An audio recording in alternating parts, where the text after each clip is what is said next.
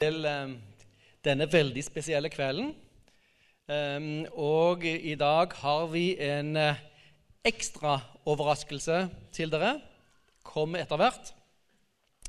Men vi er altså egentlig inne i en serie her som heter Tro møter tro. Vi er opptatt av som kristne det å forstå hvordan andre tenker, andre trossystemer, andre trosoppfatninger, og tenke gjennom hvordan møter vi disse. Um, og eh, Derfor har vi disse uh, ulike eh, fire onsdager utenom denne her, hvor vi tar opp um, uh, tekster i Bibelen som viser hvordan ulike personer møter ulike trosoppfatninger. Så prøver vi å reflektere litt rundt hvordan det trosmøtet gjøres. Og så ser vi på eh, siste del av kvelden en aktuell trosutfordring fra vår tid, altså et trossystem, et livssyn fra vår tid, som vi prøver å reflektere litt over og se om vi kan lære noe av ehm, eh, si, Bibelens måte å møte ulike trosoppfatninger på. Det er det vi gjør på de andre samlingene her. Det er veldig bra om dere tar med dere en sånn en, eh, løpeseddel og deler den med, med folk. Vi tror at dette er viktig og noe som vi trenger. Ehm, denne kvelden er spesiell fordi det er en boklansering. Ehm, og den boklanseringen skal vi få høre er ganske spesiell av flere hensyn. Det ene er at det er noe som, som forfatteren har egentlig jobbet med i veldig mange år.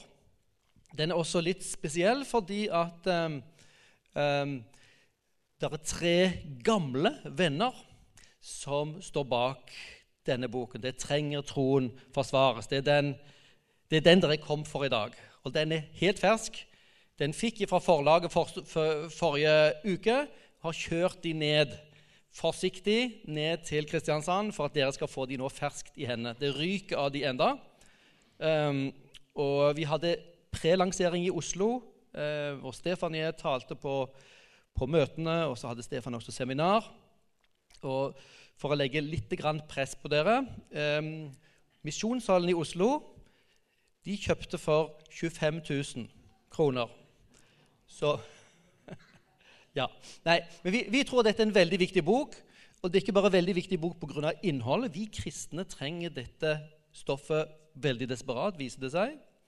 Men det er også en misjonsgjerning, fordi at um, ved at dere sprer informasjon om den boken, og muligens investere i en bok, så støtter dere det å produsere gode kristne kvalitetsbøker. Så Det er også en misjonsgjerning å kjøpe.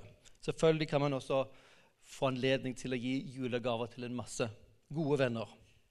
Eh, og Det har vi nå på lanseringen her i Oslo og i dag og på fredag på, på Veritas-konferansen, eh, som er bakgrunnen for at Stefan Gustavsson er her, blant annet. Så har vi spesialtilbud både på denne og den pakken som dere kan se på etterpå. Så til um, denne overraskelsen. Um, en god venn av oss, av Stefan Gustavsson og Lars Dale og meg selv, han heter Ellis Potter. Noen av dere her i Misjonshuset har møtt han før. Han var buddhistmunk i 15 år før han ble kristen. Ehm, for noen år siden ga vi ut denne boken her, 'Tre teorier om alt. Jeg tror ikke veldig mange av dere har lest den boken, for det er ikke veldig mange som er solgt. Men hvis du leser den, så vil du se at den er genial, enkel framstilling om hvordan, eh, hvordan man konstruerer en oppfatning av virkeligheten som samsvarer først med buddhismens trosoppfatning, hvor alt er ett. Og så sammenligner han med taoismens, hvor alt er to. Eh, og så bringer han fram den kristne troen, som tror på en treenighet i bunnen av universet. og sammenligner de tre. En genial fremstilling av tre oppfatninger av universet. Nå har han akkurat kommet ut med en ny bok. Uh, og Det fikk uh, jeg vite ganske nylig, og fikk uh, sendt over hit. Vi skal selge den både her og på Veritas-konferansen. Den er da på engelsk. Men temaet tror jeg kanskje er enda mer sånn umiddelbart aktuelt for oss. Uh, how, do you know, how do you know that? Hvordan vet du det? Det er et spørsmål som veldig mange stiller kristne. Det er et spørsmål vi ofte kanskje burde stille sjøl. Og han ehm, eh, har genialt enkelt framstilt hvordan vi lærer å vite. Dette er stoff som en har også hatt for åtte-tiåringer på søndagsskole. Så det er ikke noen unnskyldning. Um, men vi skal få høre litt, grann, litt grann fra han også i tillegg. Um, og dere får tilgang til disse bøkene også i dag. Så det er en stor og viktig dag. Og um, det er veldig flott at dere kommer nå. Uh, flott om dere sprer informasjon om uh, Tro møter tro-samlingene. Og det er veldig flott om dere også sprer informasjon på Facebook og andre, andre vis om Veritas-konferansen som er nå i helgen. Og Det er bakgrunnen for at Ellis Potter er her. Også Han skal undervise både på Gimlekollen, på Bibelskolen i Grimstad og på Veritas-konferansen. Eh, vi får et lite glimt av han i dag også. Ellers så er det denne kvelden skal ledes da av kollega Lars Dale. Jeg tror, Vær så god, du kan ta over nå. Trenger du den, eller har du Do you have the mosquito?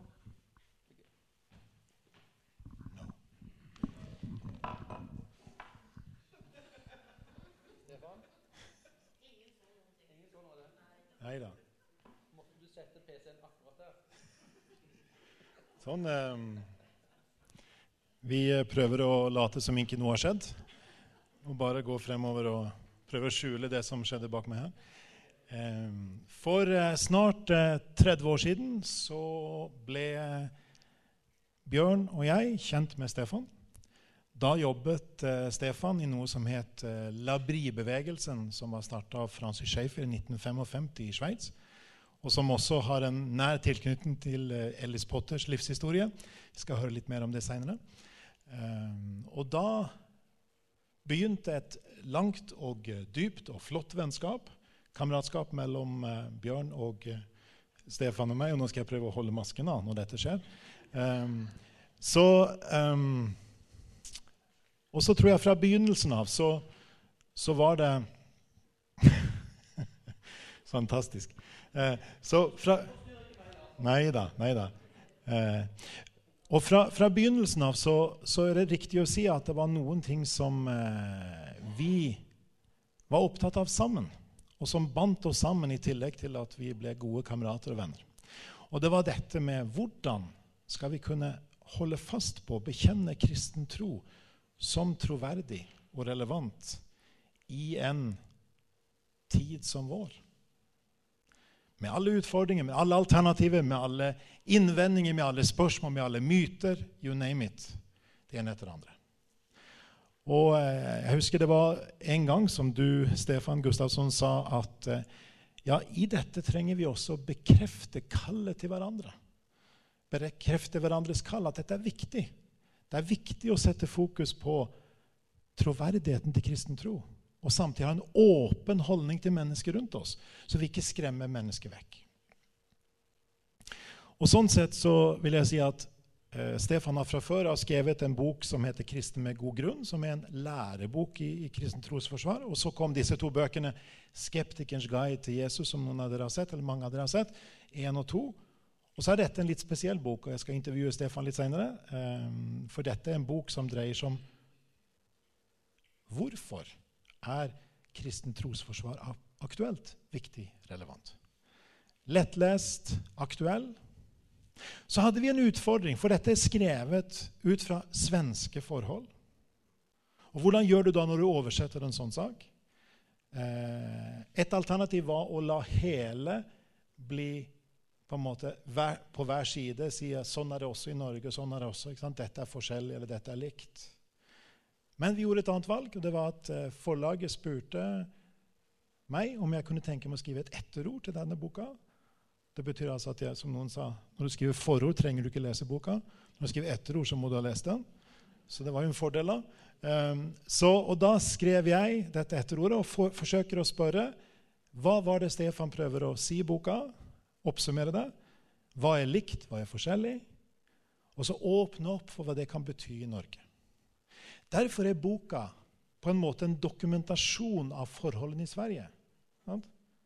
Samtidigt som jag prøver å bygge bro fra det till vår virkelighet här i Norge. Så trenger vi å gjøre det sammen. Dette er bare en begynnelse. ikke sant? Det er noen få sider på slutten. Men dere skjønner poenget. På den måten så står den som den var. Og det er et poeng også, vi var enige om det. Men samtidig så er det en brobygging på den måten. Så det håper jeg er en god, en god eh, eh vei inn. Och för att lägga till, It's a real pleasure to have you, Alice, with us. A good friend from Labrie. Uh, and we're looking forward to listening to you a bit later on tonight. But first of all, först av allt, ordet till Stefan. En presentation av boka, Och du har fått sån cirka 35 minuter eller något sånt.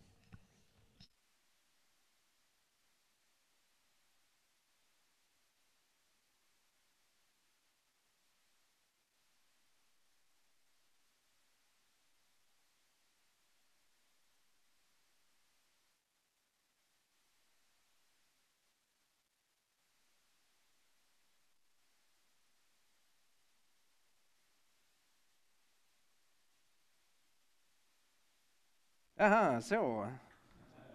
Så låter det bättre, okej. Okay.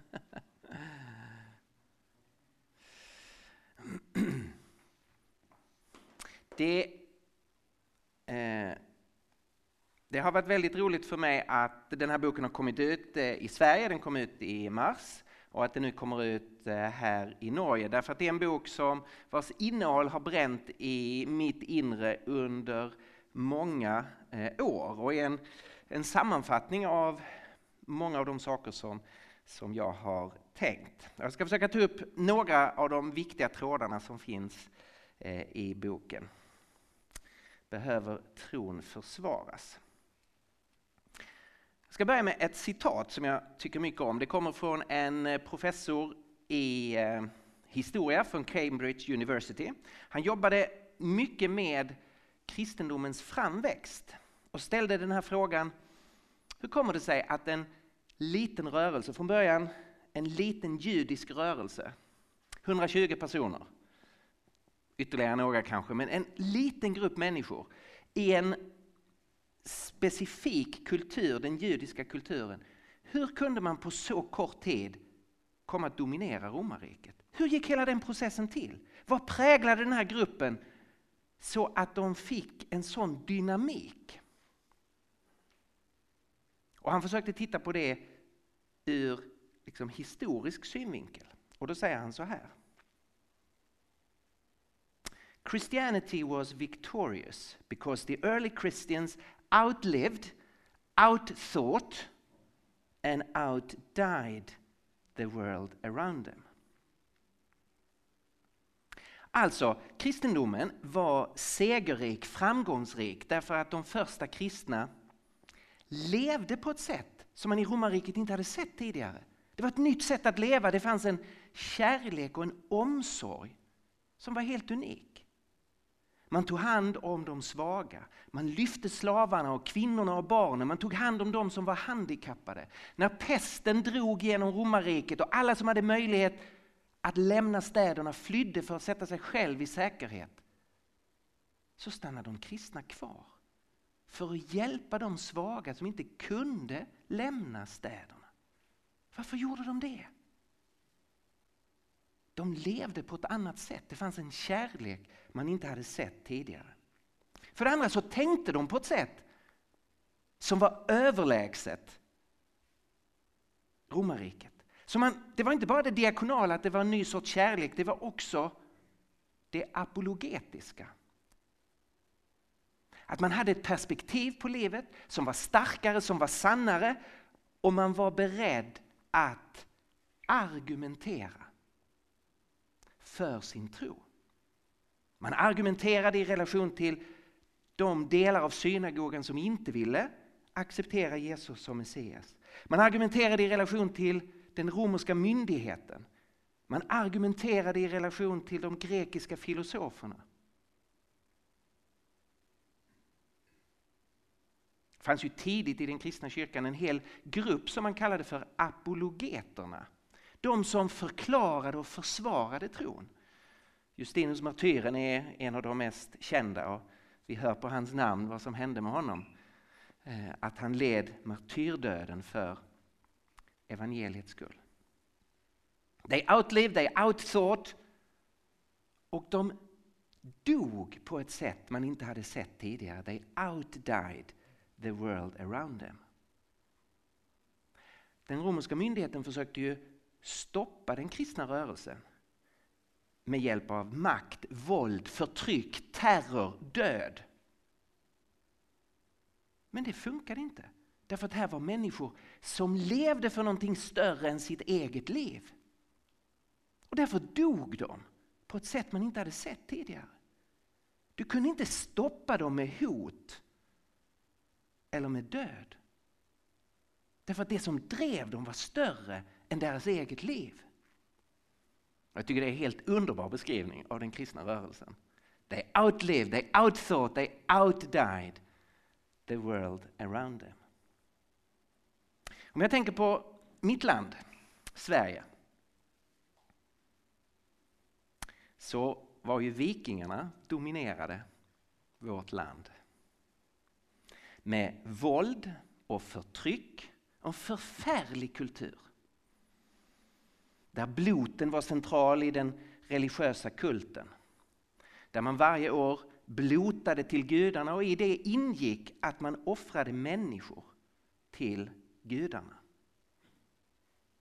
Till den miljön sände biskopen i Bremen två av sina munkar för att ge evangeliet. Det här är 800-talet efter Kristus.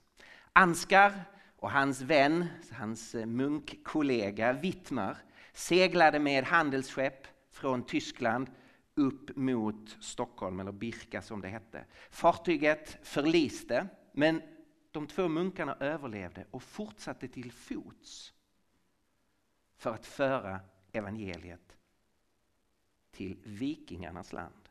Och de kom till Birka, de förkunnade evangeliet och startade den första församlingen. Och sen tog det en viss tid och på tusentalet så blir den första kungen, låter döpa sig, blir kristen. Och som seden var då, det folk som var under honom följde hans väg. Och så blev Sverige kristet. Och från den punkten så förändrades landet. Bloten upphör, man slutar offra människor. Skolor växer fram i samband med klostren. Sjukvård startar, man tar hand om de sjuka. Lagar börjar skriva och det blir, skrivas och det blir ett rättssamhälle. Och så påverkas hela kulturen. Och det som hade hänt i romarriket här i början hände tusen år senare i Norden. Och den grymma och råa vikingakulturen förändrades och någonting nytt växte fram. Och nu kan vi se tillbaka på tusen år av kristen tro. Men de senaste hundra åren och kanske de senaste 50 åren så har något mycket drastiskt skett med, detta, med denna kultur som förändrades av Anskar och Wittmar förändras nu tillbaka. Och det som sker i Sverige sker över hela västvärlden. Man kan säga att det är mer dramatiskt, det går snabbare, spåren syns tydligare i Sverige. Men tendensen, trenden, är likadan över hela västvärlden. Det är inget globalt fenomen. I Sydamerika växer den kristna kyrkan, i Afrika växer den kristna kyrkan, i Asien, inte minst i Kina, växer den kristna kyrkan och det är en väckelse större än någon tidigare i historien. Men i det som har varit kristendomens hemland kan man säga efter Jerusalems fall, alltså efter år 70 så flyttas ju kristendomens fokus var ju självklart Jerusalem. Men efter Jerusalems fall så flyttas ju fokus till Europa. Och sen är det från Europa som evangeliet har gått ut till resten av världen. Och nu kollapsar det i Europa. Och man kan se det väldigt tydligt i Sverige. Men tendensen är likadan över hela västvärlden. Jag kunde ge er massor med statistik, jag ska inte göra det. Men jag ska ge er två siffror. Sveriges största kristna samfund, Svenska kyrkan. Här är massor, massor, massor med siffror, men strunta i dem. Titta bara på den översta siffran där. 1990, så under ett år så var det 9 miljoner gudstjänstbesökare, alltså om man räknar söndagens huvudgudstjänst. Hur många besökte Svenska kyrkan 1990 för en gudstjänst på söndagen? Då var det över 9 miljoner personer. Vad har hänt sedan 1990? Det är, och statistiken här går fram till 2014, så på 20, 24 år. Nu är gudstjänstbesökarna 4,2 miljoner. Det har mer än halverats på 24 år. Vad tror ni kännetecknar de 4,2 miljoner som är kvar av gudstjänstbesökare under ett år? De är inte, tillhör inte ungdomsgenerationen. Utan de som är kvar är ju en ganska gammal grupp, så den här trenden kommer att fortsätta. Det finns ingenting som tyder på att det kommer att drastiskt förändras. Åtminstone inte om vi fortsätter att göra vad vi har gjort hittills.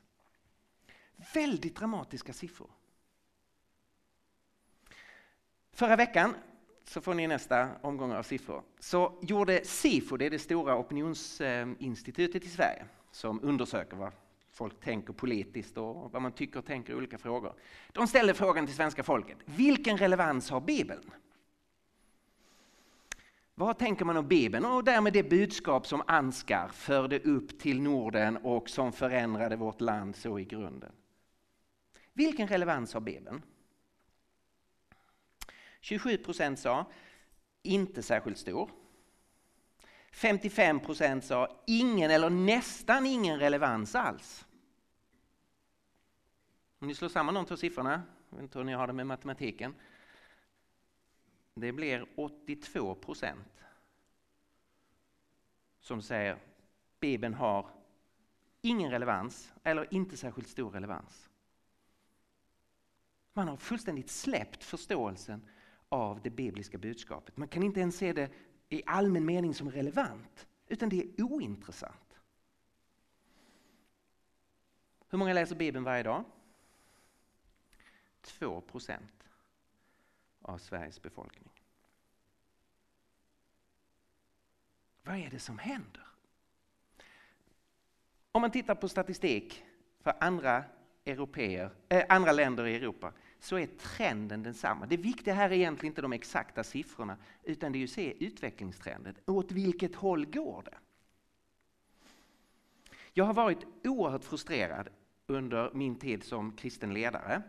Eh, man kan säga från 1990 ungefär.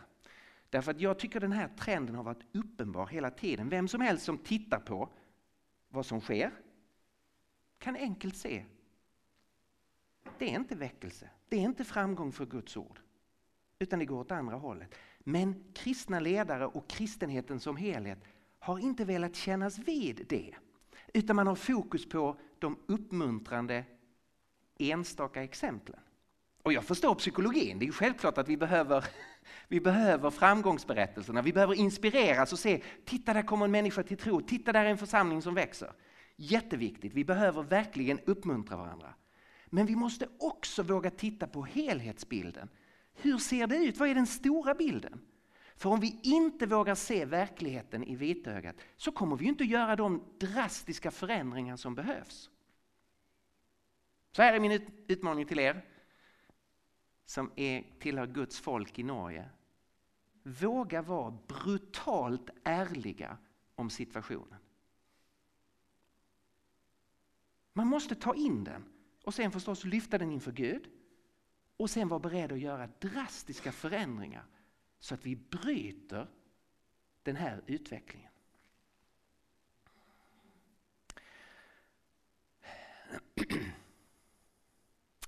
En del av oss minns den här mannen, Mao Zedong. 1966 så startade han kulturrevolutionen i Kina. Han stängde skolor, han stängde kyrkor för att som han sa utradera de fyra gamla. Det handlade om gammalt tänkande, gamla vanor, gamla traditioner, gammal kultur. Han skulle omdana det kinesiska samhället i grunden. Och han gjorde det ju med våld och förtryck, med makt. Och resultatet var förödande. I västvärlden har, ju, har vi inte haft någonting sånt här. Och ändå så har samma process skett här, fast inte med våld och förtryck. Men vi har haft en kulturrevolution där vi själva har kastat bort gammalt tänkande, gamla vanor, gamla traditioner, gammal kultur. Alltså allt det som hade sina rötter i den kristna tron.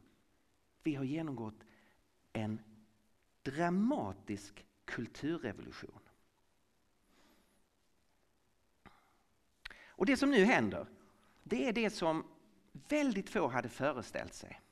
Att saker och ting vi har tagit för givet, som har legat som en glaciär som kan flytta sig lite grann men som aldrig smälter.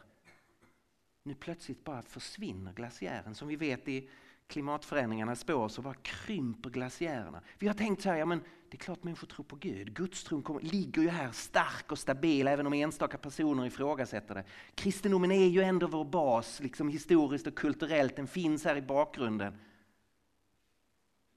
Men nu försvinner den, smälter, rinner bort. Hur har detta gått till? Hur har det kunnat bli en sån här kulturrevolution? Om man ska förenkla det här, och nu får ni min, jag är mycket medveten om att det verkligen är en förenkling, så tror jag att man kan förstå det som att vi har två rotsystem i Europa. Den västerländska kulturen har hämtat sin näring från två olika källor. Den första som vi känner väl det är förstås den kristna tron, startpunkten med Jesus från Nasaret, den kristna rörelsen som växer fram, som kommer att dominera romarriket och sen kommer att bli den helt dominerande livssynen och tron i västvärlden. Det är förfallsperioder och förnyelseperioder som i samband med, med reformationen. Det är starka väckelser på 1700 och 1800-talet och mycket av andligt liv i Norden till exempel har ju sin bakgrund i väckelser på 1700 och 1800-talet. När vi står vid eh, början av 1900-talet så finns det en stark, en livaktig kristen kyrka på många platser i västvärlden. Inte minst här i Norden är det starkt andligt liv. Vi skickar missionärer ut över hela världen. Det har varit starka väckelser, det kommer att följa starka väckelser i början av 1900-talet. Pingstväckelsen i Sverige till exempel. Ingen kunde föreställa sig att det skulle ramla ihop under de kommande hundra åren. Vad är orsaken till det? Ja, det är det andra rotsystemet. Det som går tillbaka till humanismen i den grekiska kulturen. Vi kan sätta upp Protagoras som ett, eh, ett, ett exempel. Han som sa människan är alltings mått. Här utgår man inte från Gud som alltid har funnits och Gud som har skapat människan och människan som därför lever i Guds värld. Här utgår man från människan, bara människan. Människan är alltings mått. Det här rotsystemet det finns hos de gamla grekerna.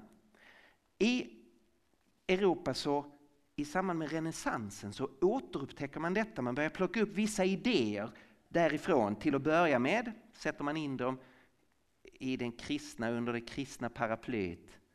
Men i samband med upplysningen 1700-talet så byter den intellektuella eliten i vår kultur rotsystem. Man säger att vi ska inte hämta näring ur kristendomen. Vi ska välja det humanistiska rotsystemet. Det här såg från början inte så dramatiskt ut därför att den intellektuella eliten var liten. Ett antal filosofer, tänkare, konstnärer, vetenskapsmän. På folkligt plan väntar nu starka väckelser därför att kristendomen är självklar.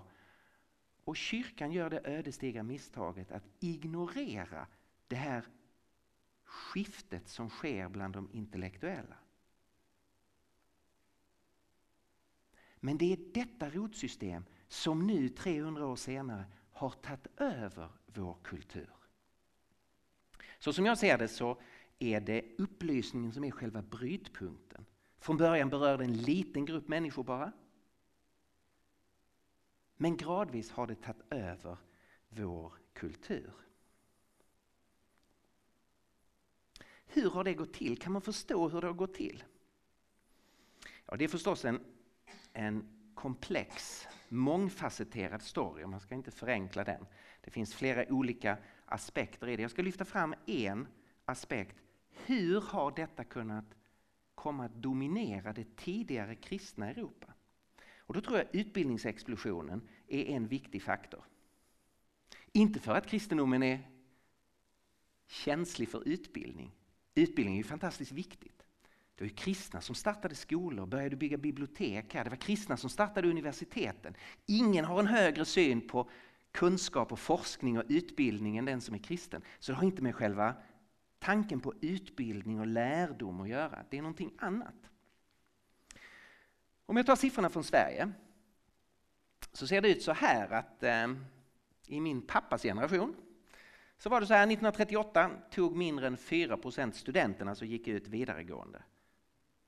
Majoriteten av befolkningen gick sex år i folkskola och sen började man jobba. Så man hade sex års utbildning. Under den utbildningen var kristendomen självklar. Du studerade kristendom, studerade kristendomens historia, du lärde dig eh, Luthers katekes.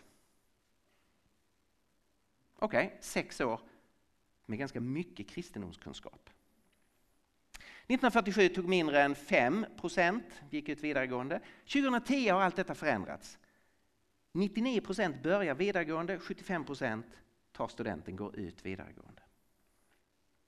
Om man tar universitetet och högskolan så är det så att 1930 så var det 15 000 studenter inskrivna i Sverige. 1950 har det fördubblats till 30 000. 2010 har det tiodubblats till 370 000.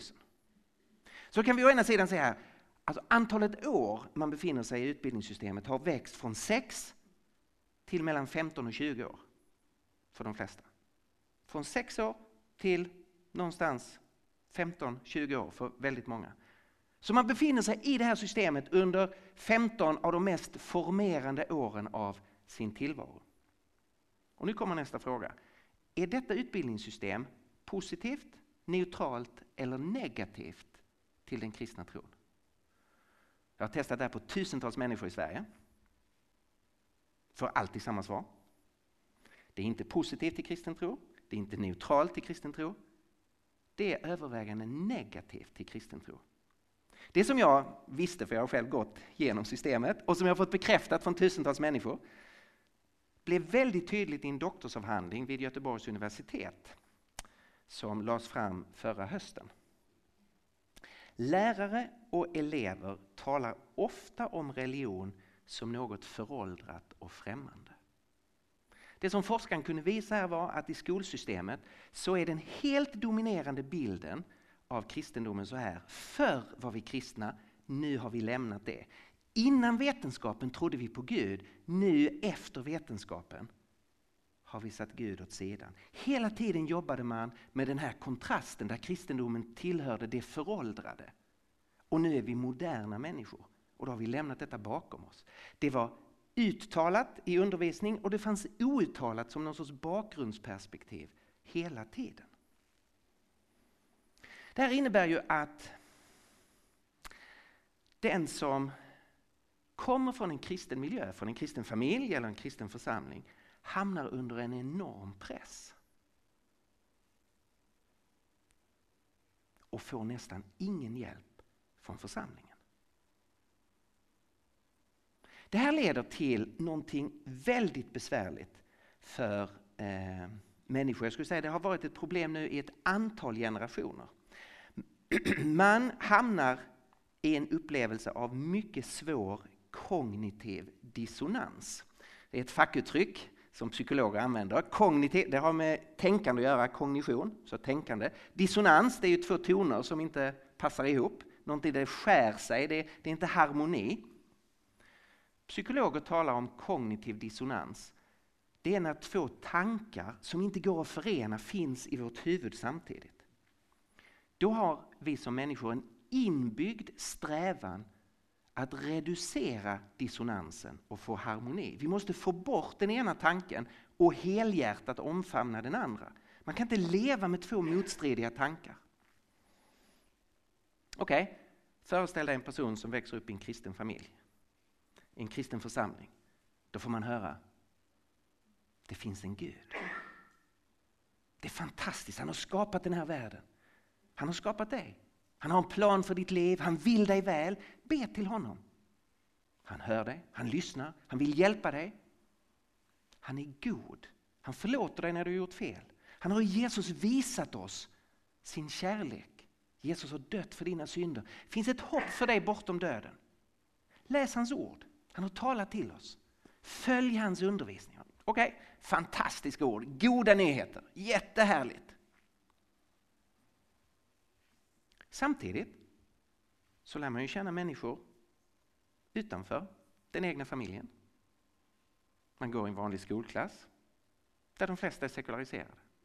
Man följer media, man tar del av undervisningen i skolan och där kommer en helt annan röst.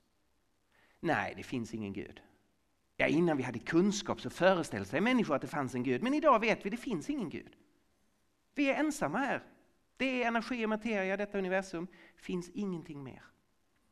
Bibeln är ju bara men det finns ju fina passager i Bibeln, men i grunden är det här myter, gamla antika myter som ingen idag kan ta på allvar. Inte om man ska ta vetenskap och tänkande på allvar i alla fall. Det är klart du kan be. Men det hjälper ju inte. Ja, det kan ju hjälpa som att prata med en annan människa så att det lossnar lite känslomässigt, att du får lov att formulera dig. Men det finns ju ingen, ingen som hör din bön. Och det finns ju framförallt ingen som svarar på din bön. Religion är bara en mänsklig skapelse. Okej. Okay. Det uppstår en mycket svårartad kognitiv dissonans. Det blir ju som att stå med en fot i en båt och en, den andra foten i en annan båt. Och plötsligt börjar de glida isär. Och det som händer då är att man får, ja det är inte kognitiv dissonans, man får otroligt ont i skrevet. Man måste göra någonting, eller hur? Du måste lösa situationen. Du måste flytta över så du har båda fötterna i samma båt. Och det som har hänt det är ju att massor med människor under 1900-talet och nu i början av vårt århundrade har flyttat över båda fötterna i sekulariseringens båt. Och man har inte fått hjälp att med trygghet flytta över båda fötterna i kyrkans skepp.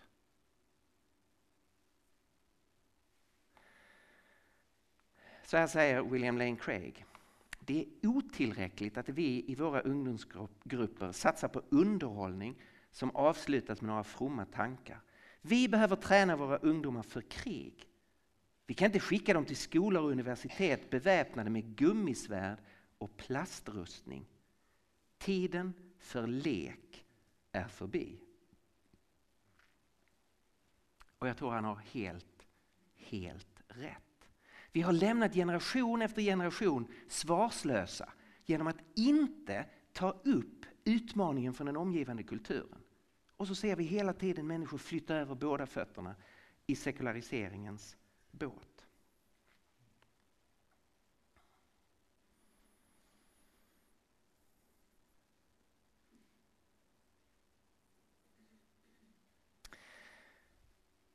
Vad ska vi göra åt detta? Jag gissar att min tid har gått. Okej. Okay. Inte riktigt. I boken så eh, ger jag den här beskrivningen och det finns eh, rätt mycket mer kött på benen att försöka förstå. För jag tror det är väldigt viktigt att vi förstår varför växer kyrkan över hela världen förutom här? Varför tappar evangeliet mark i Europa? Det går att förstå, det är inget mysterium. Och så måste man ställa frågan, vad ska vi göra åt det? Ja, det är klart, ytterst sett är detta ett andligt skeende. Vi behöver ropa till Gud att någonting nytt ska ske i Europa. Men vi måste också se vår kallelse, så är det ju alltid när man ber till Gud, att man också måste ställa sig själv till förfogande för den Gud man ber till. Och jag tror vi har enormt mycket att lära av att gå tillbaka till hur gjorde de första kristna? Vad kännetecknade rörelsen när den vann över hela romarriket? Vad var det typiska?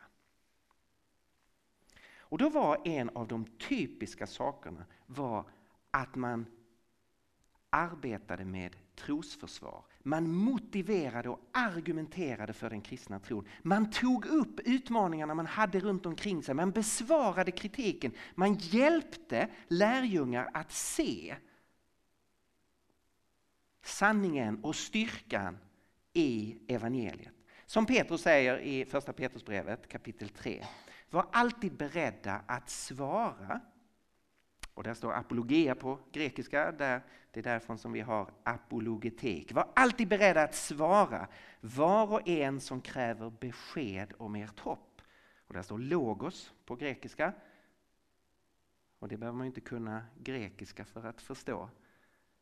Alltså de som undrar över logiken i det vi tror på. Hur hänger det ihop? Logik handlar ju om hur saker och ting hänger ihop, hur det är relaterat till varandra. Den som är kristen ska vara beredd att svara var och en som kräver besked om vårt hopp.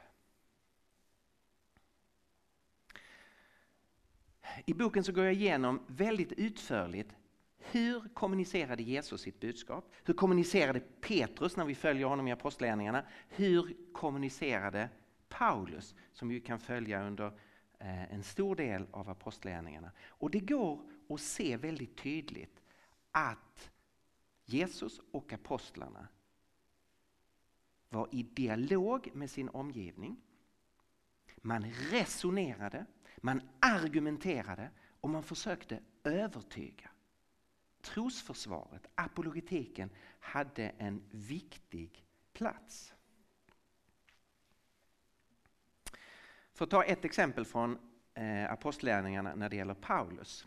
I Apostlagärningarna 17 så kommer Paulus till synagogan i Thessalonike. Han är där under tre sabbater så han får, kan ha en hel eh, undervisningsserie tre gånger.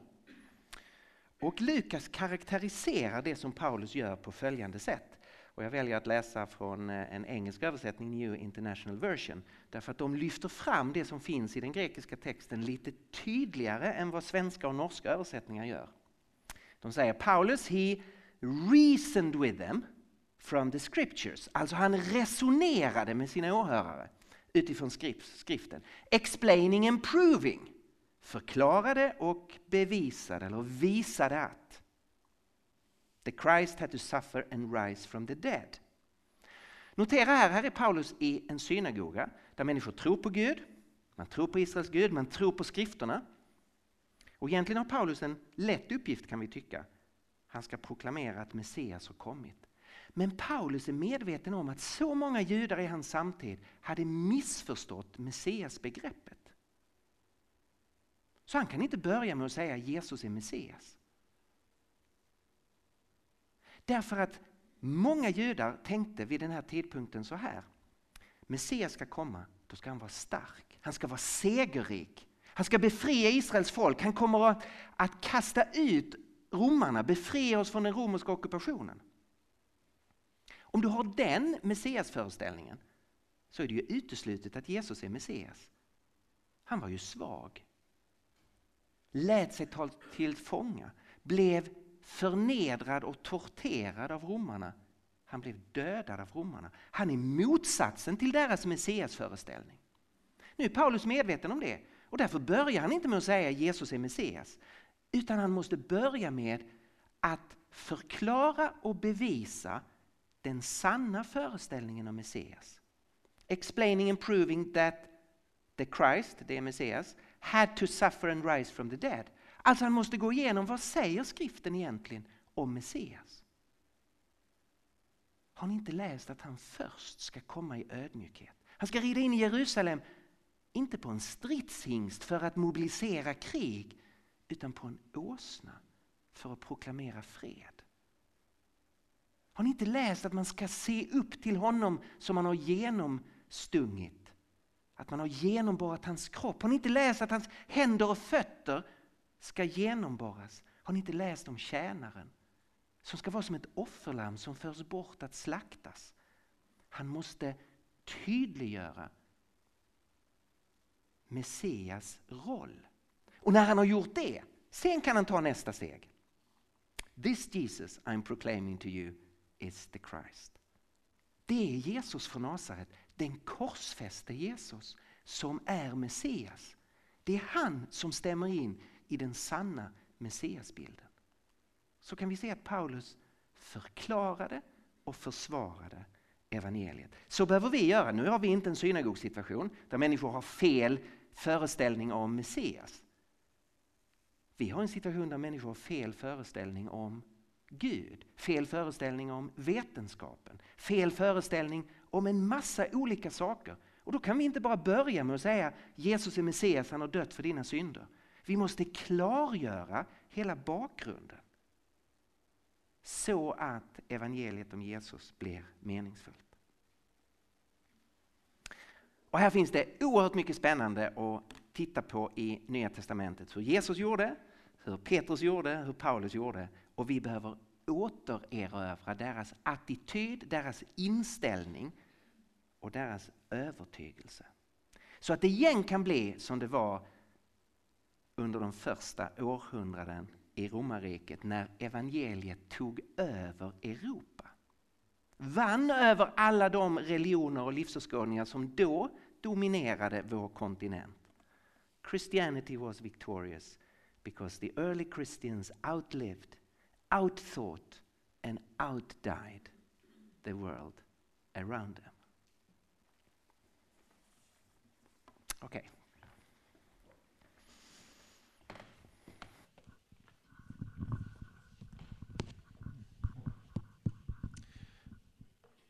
Hjärtligt tack eh, Stefan. Det var en